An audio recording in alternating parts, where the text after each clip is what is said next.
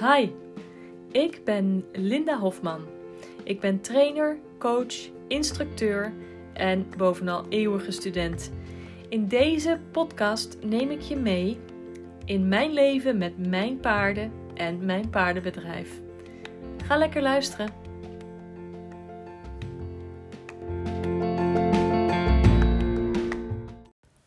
Goedenavond, dames. Het is weer een beetje een late aflevering. Het is van nu uh, kwart over negen s avonds. Meestal ben ik niet zo laat uh, met de afleveringen. Tenzij ik al in slaap gevallen ben natuurlijk. Um,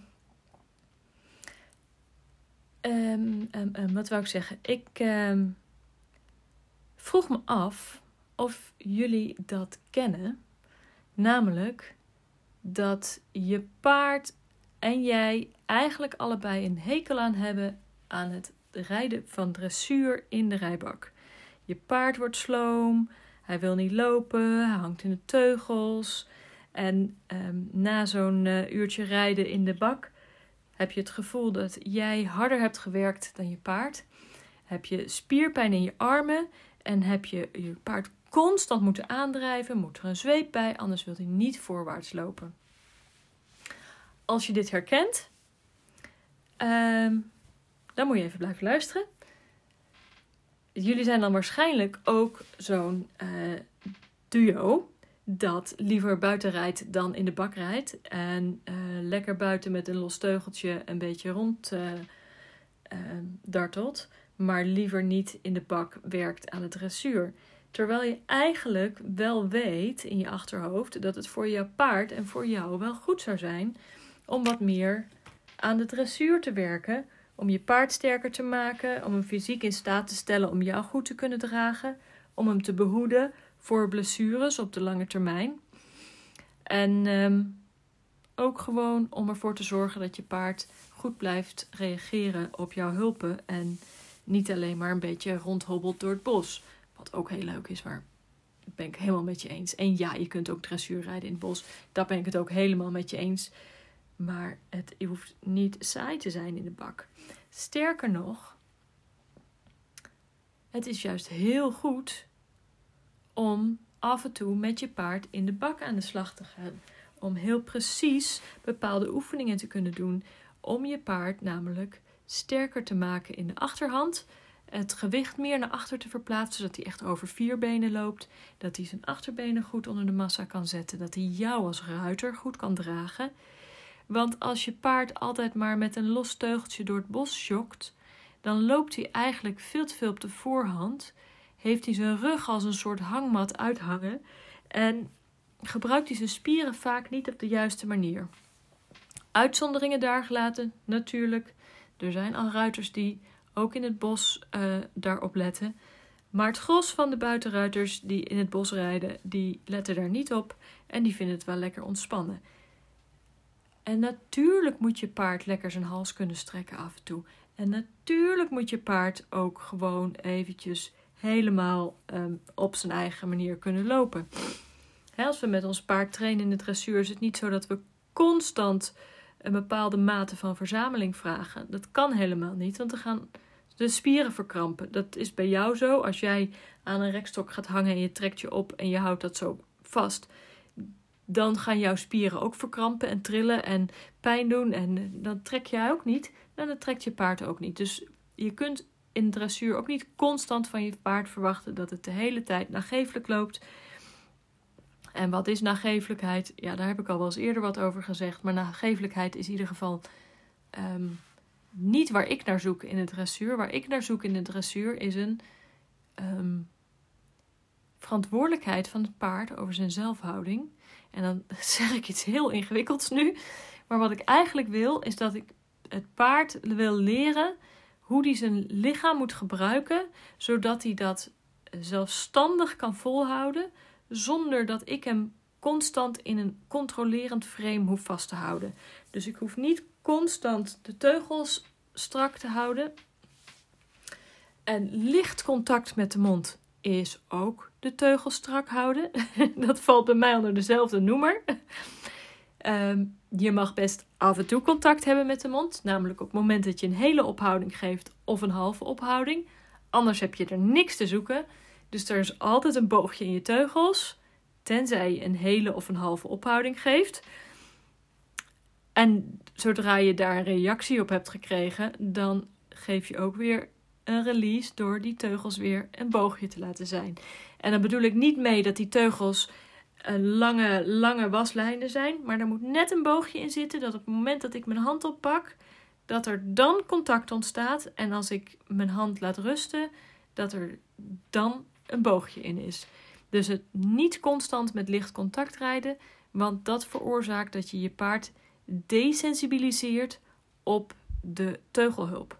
En het maakt niet uit of je bitloos of met bit rijdt, maar door constant contact te hebben en je paard constant in dat frame vast te houden, als het ware, uh, maak je dat uh, het bit steeds minder gevoel geeft voor het paard wat hij ermee moet doen. Dus je moet steeds harder worden in je hand om een reactie uit te lokken.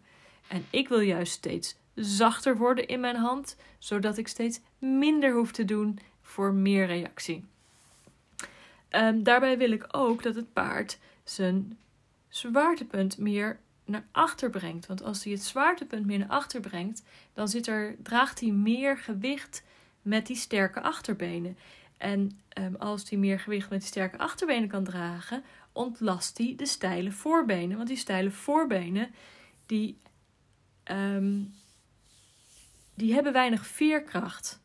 En die hebben minder spiermassa en die hebben weinig veerkracht. Die achterbenen, als je daar goed naar kijkt, er zitten een aantal knikpunten in, waardoor die uh, grote, dikke beelspieren hè, via de, de, zeg maar van de heupen naar de knieën naar de enkels echt kunnen buigen en knikken. En die kunnen een heleboel um, opvangen. Het is als een goede vering van je auto, zeg maar, kunnen die heel veel opvangen. Terwijl de voorbenen, die zijn heel stijl.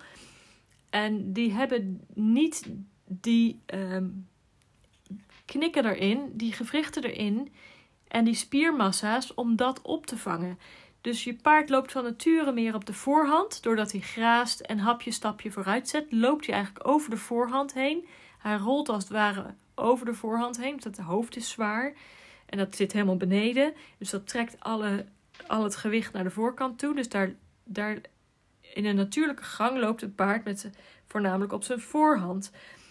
Uh, maar omdat wij als ruiter erop gaan zitten, is het belangrijk dat we het paard leren uh, dat gewicht meer naar achter te brengen. Want als ruiter zitten we ook nog meer aan de voorkant dat we aan de achterkant zitten. Zeker bij de wat modernere uh, rechthoekig model paarden, zeg maar. De barokke vierkante paarden, die zijn compacter en dan zit je wel meer in het midden.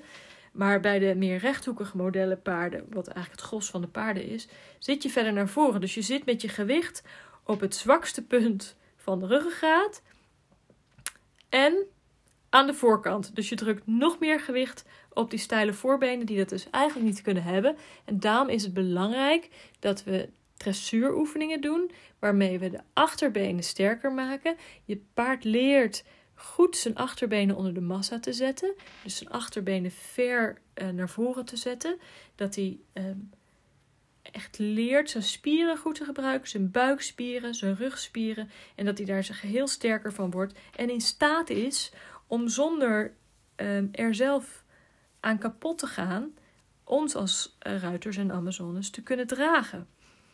En um, door alleen maar buitenritjes te maken en lekker in het bos rond te klungelen, maak je je paard niet sterker. En als je dan een beetje in Nederland woont, ga je ook niet zo vaak bergop en bergaf. Ja, misschien hier als je bij ons in de buurt op de Veluwe woont, dan zul je dat meer hebben. Maar um, um, als je in andere gebieden woont waar het hartstikke vlak is, dan oefen je ook dat nog niet eens. Dus is het extra belangrijk dat je in de dressuur gaat oefenen met schouderbinnenwaarts en travers. En um, daarmee maak je namelijk de achterhand van je paard sterker. En zowel het binnenachterbeen als het buitenachterbeen. Hè, de schouderbinnenwaarts maken we het binnenachterbeen sterker. En in het, uh, in de travers maken we het buitenachterbeen sterker. En die kunnen we beide richtingen opdoen. Dus dan kunnen we altijd het paard gelijkmatig beide kanten optrainen. Dat is ook erg belangrijk trouwens. En um, dat kan best wel op een manier dat leuk is voor jou en ook leuk is voor je paard. Waarin jij niet met spierpijn in je armen van het ehm, in de krul rijden en proberen nagevelijk te rijden van je paard, maar doorgaat in de rijbak. En uh, je constant moet aansporen en het zweep er maar bij moet pakken omdat hij niet voorwaarts wil. Ja, nogal logisch, want je houdt hem tegen met de teugels. Maar goed, dat is. uh, voor het paard is het heel logisch dat hij niet voorwaarts wil. En die vindt het ook helemaal niet leuk, want die krijgt er pijn in zijn mond van. Die krijgt tikken op zijn billen. Um, die krijgt een dubbele boodschap. Die vindt het ook wel prettig om lekker in het bos een beetje rond te banjeren, waar die uh, ook niet echt aan het werk moet. Dus wat zou je er nou eens van vinden om eens te leren hoe je nou eigenlijk die dressuur kan gebruiken als een soort heilgymnastiek, als um, om je paard te verbeteren, om je training te verbeteren en door dat te doen, verbeter je eigenlijk jouw rijvaardigheid. Verbeter je um, of behoed je je paard um, voor blessures op de lange termijn. Hè, met name aan de voorbenen en de schouders. En um, ga je nog plezier hebben in een leuk uh, beetje uh. En jij niet alleen, je paard ook. Want als je paard er geen zin in heeft, heb jij er ook geen zin in. Maar alles wat je doet met je paard, elke training die je doet, kun je hem twee dingen leren. Of iets positiefs of iets negatiefs. Als het niet goed gaat in een training, moet je toch altijd zorgen dat je op de juiste manier eindigt. Als je vastloopt in je training, moet je toch zorgen dat je op de juiste manier eindigt.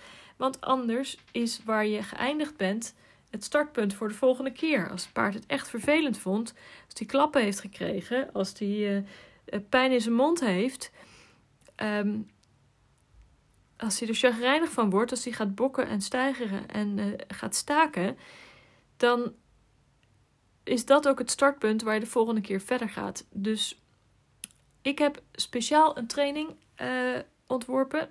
En nou ja, die is niet speciaal ontworpen, die is gewoon gegroeid uit mijn, uh, um, de trainingen van het afgelopen jaar. Is deze training ontstaan en dat is de training Verbeter je rijvaardigheid. En daarin ga ik jou leren um, hoe je op een leuke ontspannen manier, samen met je paard, voor, beide leuke ontspannen manier, kan werken aan jouw rijvaardigheid en plezier in het dressuur, waardoor jouw paard sterker wordt en je hem op de lange termijn fysiek gezond kan houden en nog heel lang gezond met hem kan rijden zonder allerlei uh, peesblessures en um, uh, andere ziegewrichten, artroses en andere dingen. Dus um, zorg dat je je paard heel houdt. Zorg dat je met hem werkt aan, um, ja, met name de spierproblemen is, is, zijn de grootste klappen op de voorbenen. Um, dus ga aan de slag met de dressuur. En kijk eens even uh, op mijn uh, website uh, www.lindahofman.nl. En daar vind je bij de trainingen vind je de training Verbeter je rijvaardigheid. En als jij uh, je angst voorbij bent, het is niet voor angstige ruiters, daarvoor heb ik een andere training. Maar als je je angst voorbij bent, maar gewoon geen plezier hebt in het rijden in de bak, je paard geen plezier hebt, heeft in het rijden in de bak. En je ehm, toch wel eigenlijk weet dat je daar wel iets mee moet om jullie samen te verbeteren, dan is dit de training voor jullie. Dus ga kijken. En uh, laat me weten wat je ervan vindt. Uh, ik hoor het graag. Nou, dit was hem voor vandaag. Doeg! Tot morgen.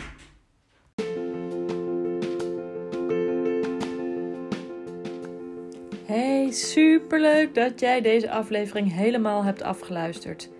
Heb jij ook al mijn e-book gedownload? Zo niet, ga dan naar mijn website www.lindahofman.nl en download mijn gratis e-book Angstige ruiters en gespannen paarden. Het is echt een aanrader voor als jij problemen hebt met buitenrijden. Dankjewel, doeg!